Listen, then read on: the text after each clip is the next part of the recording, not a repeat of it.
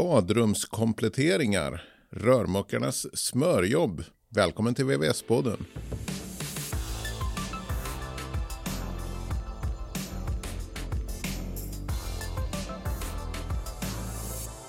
Välkomna till VVS-poddens avsnitt om badrumskompletteringar med mig Fredrik Karlsson, chefredaktör på tidningen VVS Forum och Natalia Strandberg, ledande montör på Nytorps Rör.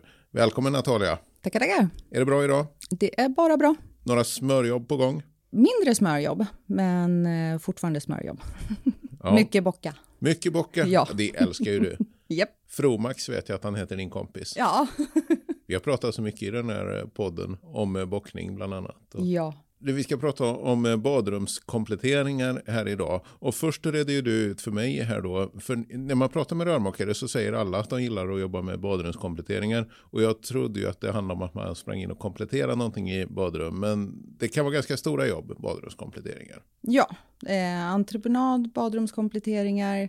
Det är samma, samma, lika väldigt ofta. Idag är det mer och mer dold rördragning, men det är fortfarande det. Det ser lika ut. Men du får ju ett resultat också. Så det, ja.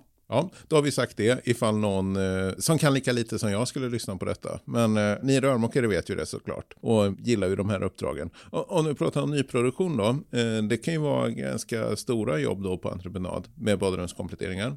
Ja, det kan ju vara flera hundra badrum som ska kompletteras. I alla fall jag tänker på när jag har varit på lite större. Har man tur så kanske det är lite skillnad mellan våningsplanen. Men vissa tycker att det där är soft just för att du mer eller mindre kan stå nere i boden och bocka till rören och gå upp och sätta dit dem.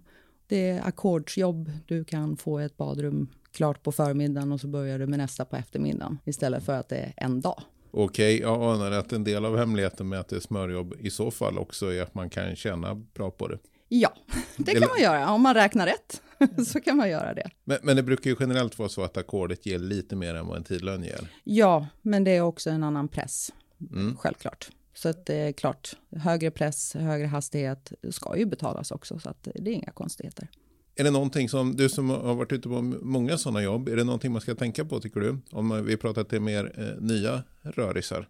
Ja, om du jobbar mot privatkunder så är det ju bra att eh, ha fått med kunden och redovisa eller i alla fall ge förslag på vad det är de har tänkt att ha inne i badrummet. Så att man inte står där sista dagen och får allt material och det kanske inte är riktigt godkänt. Just det, och då pratar vi om badrumskompletteringar mot privatpersoner och det gillar du egentligen bättre, berättar du för mig innan här. Ja, jag gillar det. Lite för att jag eh, har nördat ner mig i allt som går mer eller mindre, vad det finns ute på marknaden. Jag tittar ju även i kataloger vad som dyker upp. Eftersom det är privatkunder så tittar de ju det som finns att erbjudas hos byggvaruhusen eller det som finns på nätet. Och då kan det vara ganska bra att veta tack men nej tack eller ja, men då behöver du det här också.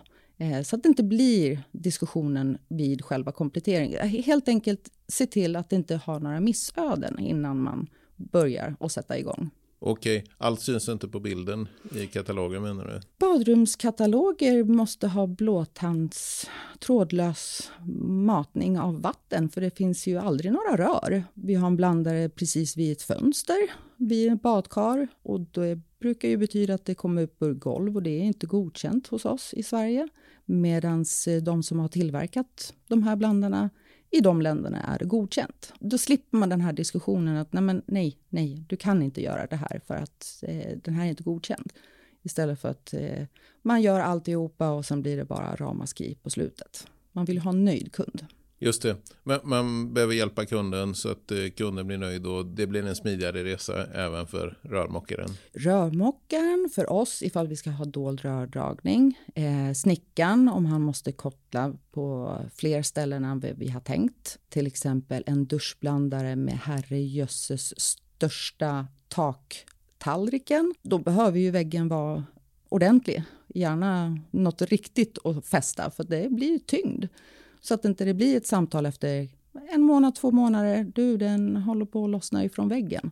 Även om man har silikonerat, även om man har haft plugg och haft någon trämaterial och fästa. Så eh, stora tyngder, då, det är sånt som är bra att ha redan innan så att kunden också kan förbereda ifall det är längre leveranstid. Vi vill ju gärna att materialet finns redan på plats när man påbörjar så att det inte blir några förseningar. En toalettstol som är försenad. Och där har vi också toalettstolar som är från Amerika. De har ett helt annat centrummått på infästningen av botten. 24 centimeter in.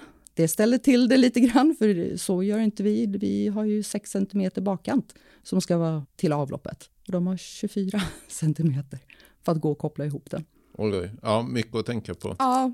Jag förstår det. Och det där med kortlingar, det är ju verkligen, de, de måste ju naturligtvis in innan skivorna ens är på väggen ja. och sådär. Så det måste ju bli ett tidigt eh, stadium då. Ja. Eh, fler och fler snickare eh, som jag har jobbat med har ju blivit att de helt enkelt frågar kunden också vårat material. Inte bara vad som ska vara upp på väggarna. Utan faktiskt, okej, okay, men vad har ni tänkt att sätta upp? eh, senare. Vad ska rörmokaren sätta upp? Eller snickaren om han ska sätta upp duschväggar. Det är likadant, fristående duschväggar. Det är bra att veta om vart de i så fall ska vara placerade. Ja, lite smått och gott helt enkelt. Man ska prata och planera materialet på plats, sen börjar man. Vad är det egentligen som gör att det här med badrumskompletteringar framstår som många rörmokares drömjobb? Är det det för det första? Är det många rörmokares drömjobb? Eller är det bara något jag har inbillat mig? De flesta som jag har jobbat med tycker att badrum är ett schysst utrymme att jobba i för att du ser ett resultat och det är andra viktigaste rummet i din bostad. Första är själva uppvärmningen och sen så är badrummet som nummer två. Sen kommer kök, när vi pratar vatten, vart försörjningen. Men just badrummen, att det är nummer två. Det ska vara rent, det ska vara snyggt, det ska vara lättstädat. Ett rum att trivas i om man gör en relaxhörna till exempel. Så att ja, det kan bli snyggast också. Ja, vi har ju tidigare pratat om mardrömsuppdragen och då var det ju ofta att det var lite skitigt och äckligt och sådär. Ja, när man ska men, eh, riva gamla badrum. Men ja, badrumskompletteringar, jag har hört det smörjobben istället för då. Om man vill lyssna på mardrömsuppdragen så kan man hitta det avsnittet på sin poddplattform eh, där man lyssnar på detta avsnittet kan vi ju säga. Mm. Ja, har du några badrumskompletteringar inplanerade framöver? Jag har lite WC-utrymmen som är inplanerade, så att det är inte... Men det är synliga rör, så att jag får bocka, tänka. Det är mer än två bockar, upp mot fem, sex bockar på ett rör. Och det är lite roligare, för då får man tänka till. Jag vill inte använda kopplingar. Jag vill bocka så mycket som möjligt. Du vill bocka? ja. ja, och speciellt om det är krom, då syns det extra. Det är ja, jag, klart. Jag förstår. Du får eh, eh hälsa kompisen eh, Fromax Ja. ja, jag ska podda vidare här efter eh, pausen med yep. en, en ny gäst. Tack ska du ha. Tack själv. Hej, hej. Rör genom golv, golvbrunnar och blandare som inte klarar trycket. Badrumskompletteringar kan vara knepiga. Samtalet fortsätter i VVS-podden och bredvid mig sitter Hans Söderström, expert på VVS-teknik på installatörsföretagen. Välkommen Hans! Ja, tack så mycket! Du och jag ska ju prata vidare här om badrumskompletteringar då och eh, fokus är privatpersoner. När man kommer in på renoveringar då hos privatpersoner, du ska svara på sju frågor här så många knepigheter har vi kommit fram till att det finns här i badrummen. Det finns säkert ännu fler, men de här ska vi reda ut, eller hur? Mm, absolut, vi kanske ska ta en inledande bit förtydligande också att om man eh, jobbar i sitt eget eller gör sin badrumsrenovering i sitt egen villa då gäller det bara att ta beslut med sig själv. Men däremot är det så att du bor i en bostadsrättsförening och bygger om ditt badrum. Då måste du ha tillåtelse av styrelsen att göra din ombyggnation, renovering. Så att man tänker på det. Det var bara en inledande. Just det. Ja, vi har säkert många privatpersoner som lyssnar på mm. det här också. Och som VVS-firma kan det ju ändå vara bra då att försäkra sig om att det är så, tänker jag. Eller? Absolut, och det är ju så att då, eh, man ska ju ofta lämna från sig då, eller alltid lämna från sig, om man har gjort ett arbete inom ett våtrum, att man lämnar från sig sina säkra vattenintyg. Det är liksom jätte, jätteviktigt, för det har ju då att göra med försäkringsmöjligheterna eh, för den som bor i huset eller bor i lägenheten. Om vi kastar oss på detaljerna här då. Första jag tänkte fråga dig om, det handlar om eh, när rör kommer upp genom golv i gamla badrum. Så får det väl inte vara längre? Nej, där har vi ett av de största problemen många gånger när man ska göra badrumsrenoveringar. Tidigare så var det tillåtet då att komma upp med både tappvatten och eh, värmerör genom golvet tillsammans med avloppsrör. Men idag är det då med de nya branschreglerna som gäller då så är det bara tillåtet att komma upp med avlopp och det för ett visst avstånd då från, från golv eller från väggarna. Och eh, tappvatten och värmerör får inte komma upp genom golv utan då måste man ta och eh, bila och så man kan komma, dra in dem i väggen och sen komma ut genom väggen. Så det, det, är det, det är många gånger det knepigaste att göra i en badrumsrenovering. Just det, men, men det kan man inte acceptera att det är så även om det var gjort förr utan det är bara bilar. Eh, det blir ju en avvikelse annars och då måste man då göra en klack på det. Det går, finns undantag som gör men man ska försöka jobba med att få in det i vägg så man slipper de där klackarna. Okej, okay. nästa är ju då reglerna om CC-måttet för rör som kommer ut genom vägg. Mm. Eh, det är ju 60 som gäller nu, men om man har skivor där rören kommer ut 40 Mm. som det var förr. Vad gör man då? Ja, är det så att man gör någonting med tätskiktet, då gör man ju oftast vid en större badrumsrenovering, då gör man ju ett nytt tätskikt. Då måste man ta och eh, separera rören så att det blir till 60 mm. Och det har ju att göra med, det är inte rören i sig som är problemet, utan det är ju tätningen, att tätskiktet kan göras på ett korrekt sätt. Och då kräver man eh, att det måste vara 60 mm mellan rören. Just det. Så jag, jag, tänker även om man river ner tätskiva, ja det sannolika är väl kanske att man får ner någon skiva också, men ja. vare sig man får det eller inte så hur som helst måste man lyckas med att få isär rören. Ja, för att det är så att det, det ska bli ett nytt tätskikt och för att kunna göra ett, ett tätskikt korrekt mellan rör, då räcker det inte med 40. Det är svårt att göra det om man har 40 mm mellan dem. Då, därför man har ökat det till 60 mm. Ja, skulle det gå annars som du sa att eh, om det är väldigt svårt att få isär rören att eh, då notera avvikelse? Ja, det är, det är samma sak som där att gör man ett avsteg då ska man eh, verifiera och man ska också informera kunden att det här är ett avsteg från dagens regel och vi kan tyvärr inte göra det här men vi gör ett avsteg här och det avsteget tas ju hänsyn till sen vid bedömningen, till exempel på försäkringsärenden och sådana saker. Att man tittar på, ja, men man har gjort så mycket man kunnat i alla fall. Här, så det är viktigt att dokumentera avsteg. Tredje frågan som jag tänkte ställa till dig här är golvbrunnen. Mm. Jag vet bara att det är knepigt och ofta blir fel och så. Kan du summera lite, vad ska man tänka på när det gäller golvbrunn och vid badrumskompletteringar?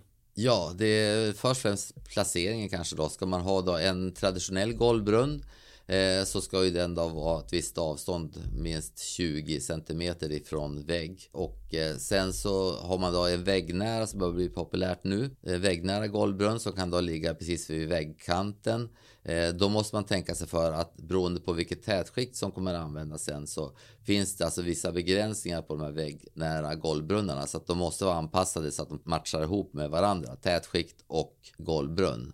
Det är en del som är viktigt. En, och sen också om det är så att när golvburren monteras, om det finns tillbehör som att stadga upp den när man ska montera den, så ska det naturligtvis användas. Så att montageanvisningar och eventuella montagetillbehör, det är jätteviktigt att använda det så man inte bara tror att man kan eh, så staga upp golvbunden med lite, rör, eller med lite små specialdetaljer som man själv har kommit på, utan Finns det med golvbrunnen och avsedda montagematerial, då ska man använda det. Jätteviktigt. Ja. Vi, vi, har ju talat vid tidigare om den här saken, eh, du och jag, och jag har förstått det där med montageanvisningar, det är A och O. Då har man eh, ryggen fri sen också, om man följer dem. Ja, det är ju så, och det är det som också då eh, Säker Vatten jobbar med väldigt mycket. Det är alltså att man ska då, de godkänner ju då, tittar på montageanvisningar, ser de seriösa och bra ut? Är de tydliga? Och det är det som de egentligen godkänner produkterna via montageanvisningarna. Just det. Och, och, även om det skulle bli en domstolssak av det har jag förstått att då kan man eh, bedöma fackmässighet utifrån här, om man har följt montageanvisningar. Ja, det här är ju ett exempel på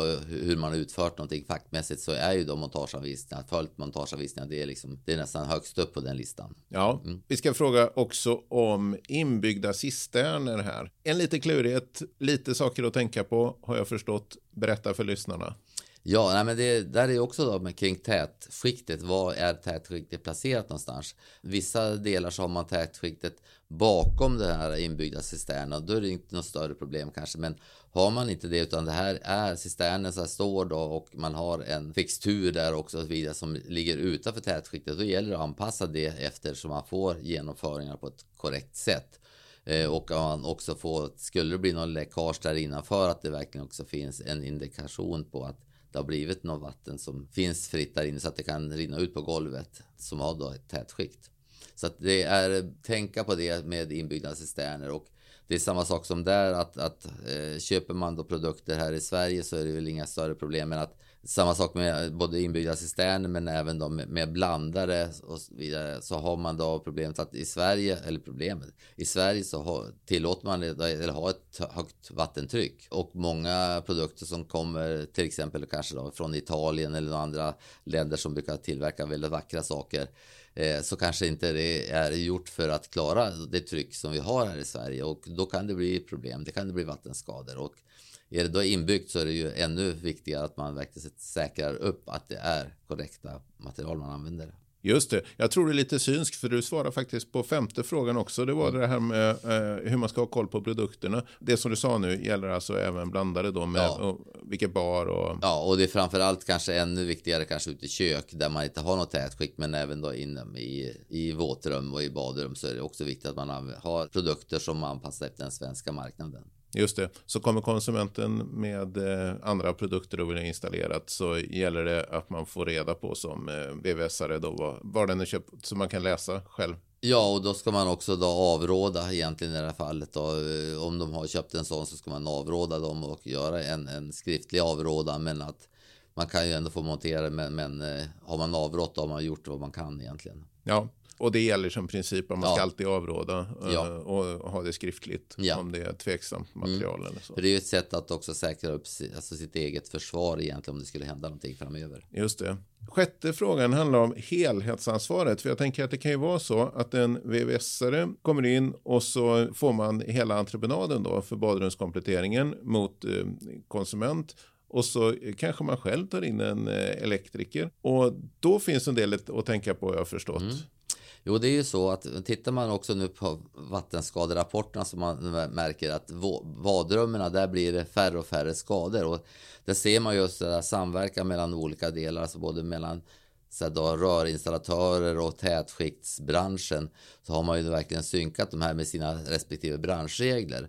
När det gäller elsidan då så har det legat lite i skymundan. Man har liksom, ja, de har fått kommit ut på sina ställen ändå. Man har inte varit så noga med det. Men redan 2021 då, som det, man gjorde de senaste branschreglerna så tog man med just att problemet att täta kring elgenomföringar där det har reflexslang som går ut i väggen har varit svårt. Så det, det tillät man inte då, då. Tog man för bort det utan man måste ha en ett fast genomföring då för, för kabeln. Men eh, det där har man inte uppmärksammat så mycket för att det traditionellt sett har ju då branschreglerna inte gällt för elsidan så man har liksom inte läst på sig tillräckligt noga där och men nu har man gått ut nu, då, nu då under våren med förtydligande både från GVK och från BKR då, som är de som ansvarar för tätskiktsbranschreglerna och gått ut med förtydligande där så att man får alltså inte gå in i, ha en flexslang igenom väggen när man drar ut sin kabel utan det ska vara en fast eh, genomföring. Så det finns ju sådana så att det, det, är inget problem att inte hitta produkt utan det finns. Men det har ju varit enklast att dra fram flexslangen bara rakt igenom väggen. Ja, om man själv har koll på tätskiktsregler och sådär så gäller det ju att inte elektrikern kommer och sabbar tätskiktet ja, sin precis. Det är så ja. det är. Mm. Ja. Slutligen då, sjunde frågan. Du sitter ju som representant i Allmänna reklamationsnämnden mm. och eh, då undrar jag, vad ska man tänka på för att inte hamna där som företagare? Ja, och det är så då att eh, vi har ju då fördel att få sitta med i ARN då, i, i deras sammanträden eh, när det gäller bostadsdelen. Och då är det ofta två konsumenter och två stycken ifrån branschen som får sitta med där och eh, ge sina uttalanden. Och sen så är det i och för sig idag en domare som dömer eller en ordförande som dömer där. Men, men att det viktigaste är för att inte hamna i ARN, framförallt om man hamnar i ARN att gå skuldfri, det är att vara väldigt tydlig både så här då mot konsumenten då eh, verkligen vara övertydlig egentligen för att konsumenten är den svagare parten i det här fallet när man pratar om sådana här typer av entreprenader så att ur ett juridiskt aspekt. Så att det är väldigt viktigt att man har bra avtal. Det finns ju hantverkaravtalet till exempel som man kan använda mot konsument där man liksom redovisar vad man ska ha där det är tydlighet och allting som avviker som jag pratade om tidigare också, att man är tydlig med dem, att man skri allting ska vara skriftligt.